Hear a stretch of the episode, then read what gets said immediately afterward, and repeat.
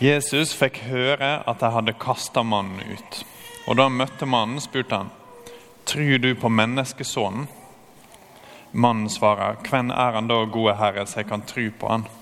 Du har sett han, sa Jesus, det er han som nå snakker med deg. Jeg tror, Herre, sa mannen, og han tilba han.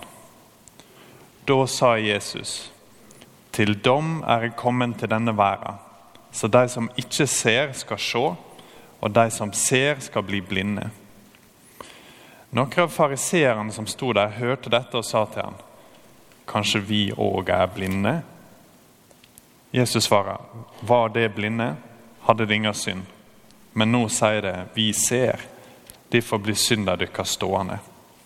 Slik lyder det hellige evangeliet.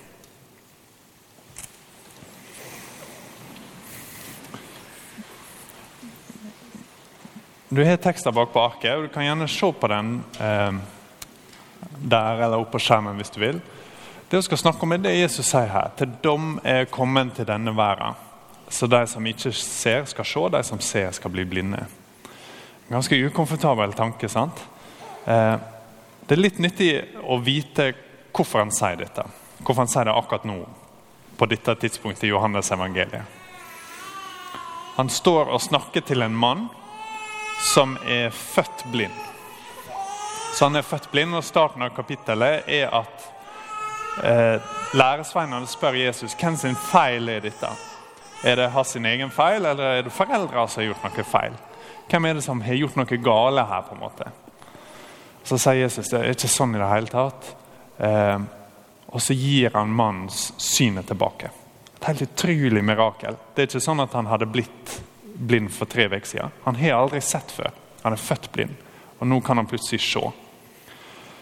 Og Da blir det en del styr ut ifra det. Eh, de jødiske lederne kommer og spør han liksom, hva, hva er det som har skjedd. Og han sier jeg har aldri hørt om det som har skjedd med meg. Dette har ikke skjedd før. Hvem er det som har hørt om en mann som er født blind, som plutselig får synet tilbake? Og Så spør de ja, hvem, hvem tenker du at Jesus er. Så sier han jeg tenker at han er en profet. Og Da ender det opp med at han blir kasta ut av synagoga. Så Han blir ikke bare kasta ut av det religiøse livet, men av egentlig hele samfunnet. De støter han ut, og de dømmer han. Og Så finner Jesus han. Og så kommer denne sekvensen her. Han får høre at de kaster han ut. og Så møter han mannen, og så spør han liksom, tror du på menneskesonen. Altså, ja, Hvem er han, sånn at jeg kan tro på han? Og så sier han til slutt 'Jeg tror Herre', og han tilber han. Og Så sier Jesus, ganske overraskende, sant? masse kjekke, flotte ting som skjer. Denne mannen får synet tilbake. Det er helt utrolig. Så sier han til dom er kommet til denne verden. Så de som ikke ser, skal se, sånn som denne mannen. En blind mann som nå ser. Og de som ser, innforstått sånn som de jødiske lederne, som tror at de har full kontroll og vet akkurat hvem Jesus er, at han er falsk og at han ikke er fra Gud, de skal bli avslørt på en måte da, som blinde. Og Så har du den korte sekvensen etterpå der fariseerne spør ironisk om det er sånn han mener. Å, er oss blinde? på en måte. Så kutter Jesus litt gjennom det og sier ok, hvis dere var blinde, så hadde det vært en annen sak, men nå sier dere at dere ser. Ok, hva skal vi tenke om dette? Det er ganske overraskende. sant? Mange gode ting skjer. Og så denne, Hvorfor snakker han om dom plutselig? Hvorfor er det ikke sånn Du har fått synet tilbake. Yeah! Du har fått synet tilbake. Til dom er kommet. At Jesus er tydeligvis inne på et eller annet litt, litt annet her. Men det er fortsatt gode nyheter til denne mannen. For oss er dette en ganske ukomfortabel tanke, men tenk hvor trøstende det må være for denne mannen. Folk har dømt han hele hans sitt liv. sant? Det første som skjer når læresveinene ser han, er at de prøver å finne ut hvem sin feil er dette. Hvem sin feil er denne mannen? Er det sin egen feil, eller er det foreldrene sin feil? Og så Når det skjer noe kjempeflott i livet hans, så blir han dømt for det med en gang og kasta ut. Denne mannen er bare full av folk rundt han som dømmer han. Og så møter han Jesus. Og Da er ikke Jesus sin respons til han, ikke bry deg om deg. Det fins ingen dom. Det er ingen som snakker om rett eller galt lenger. Jesus sitt håp til denne mannen er ikke bry deg om hva de sier, ikke bry deg om deres dommer. Det er jeg som er dommen.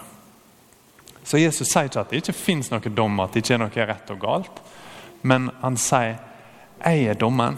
Jeg som akkurat har gitt deg synet tilbake. Jeg som har gjort dette fantastiske for deg. Det er jeg som skal dømme deg. Det er ikke de som skal dømme deg. Masse håp til denne mannen.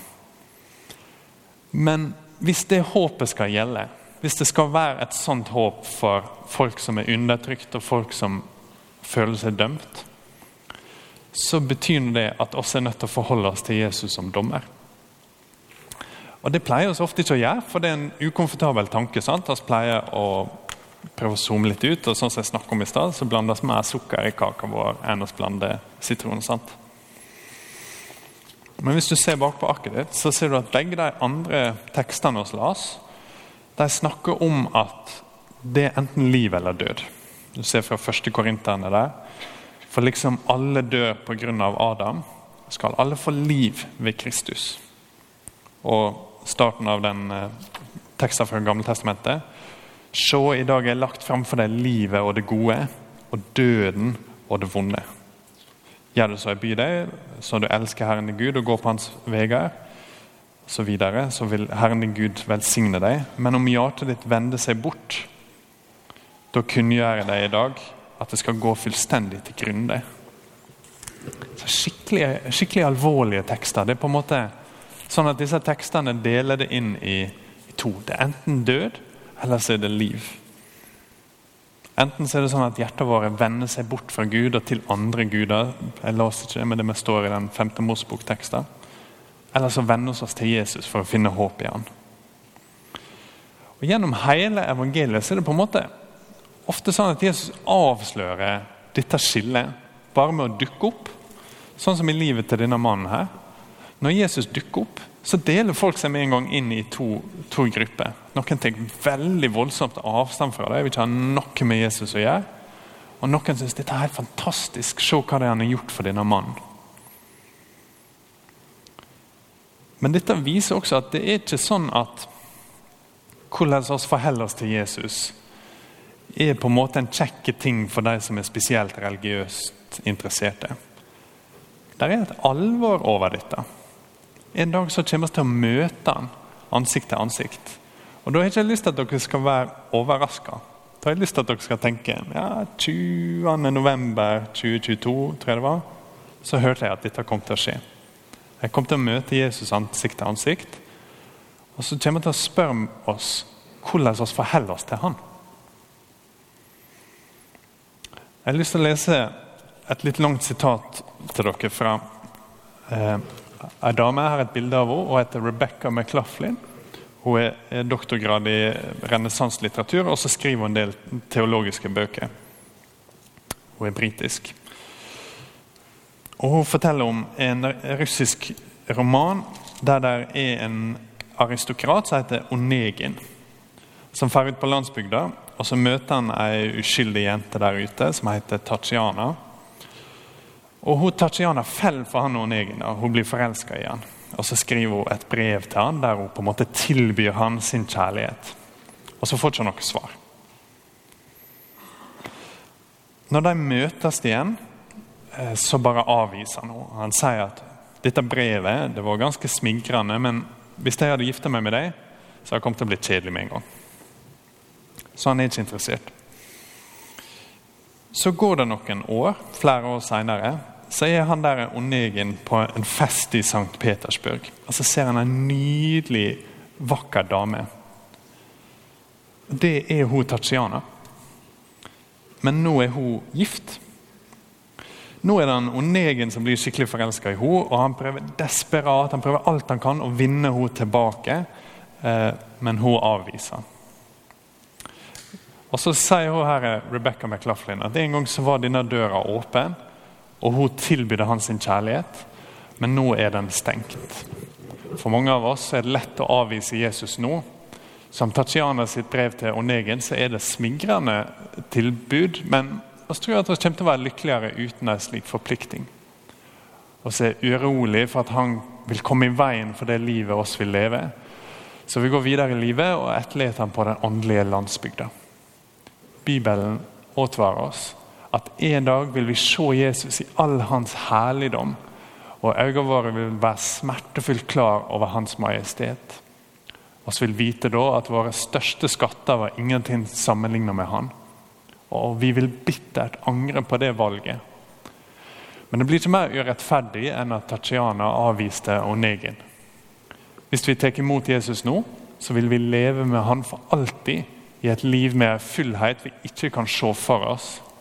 Hvis vi avviser Han, så vil Han en dag avvise oss, og vi vil bli evig knust. Og sier det på en veldig fin måte at en dag så vil hun se hvor herlig han er. At Det er ikke sånn at Jesus bare vil dukke opp og være veldig streng. En dag så vil hun se hvor herlig han er, og hvor fantastisk han er. Og Dette er det store håpet vårt. Jesus, sånn som han møter oss i evangeliet, han er ikke kald eller hard eller skummel.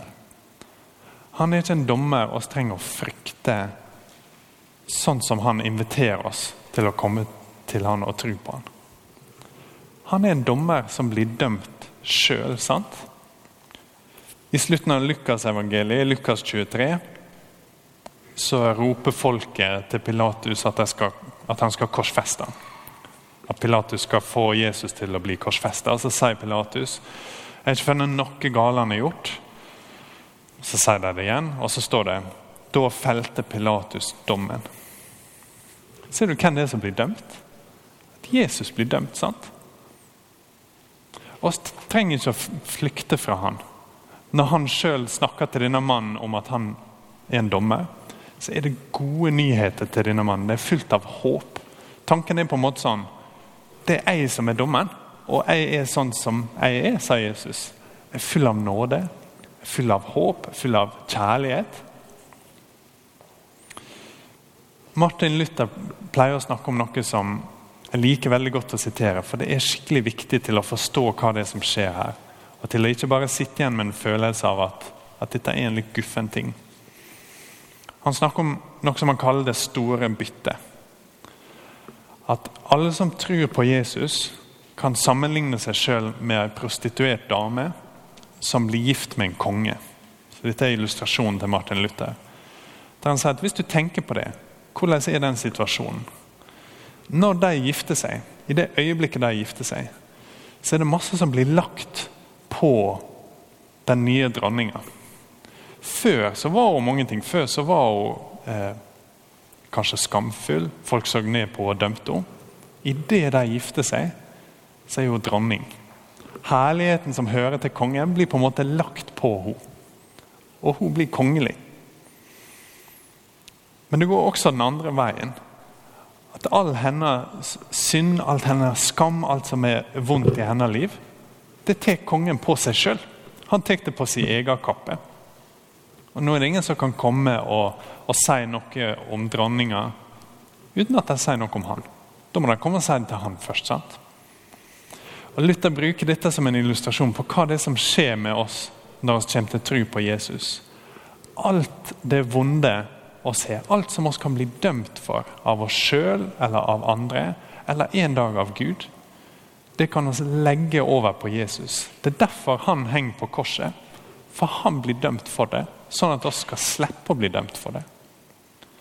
Og alt det herlige som er sett, alt han fortjener av godhet og av forhold til far og av ære, det blir lagt på oss.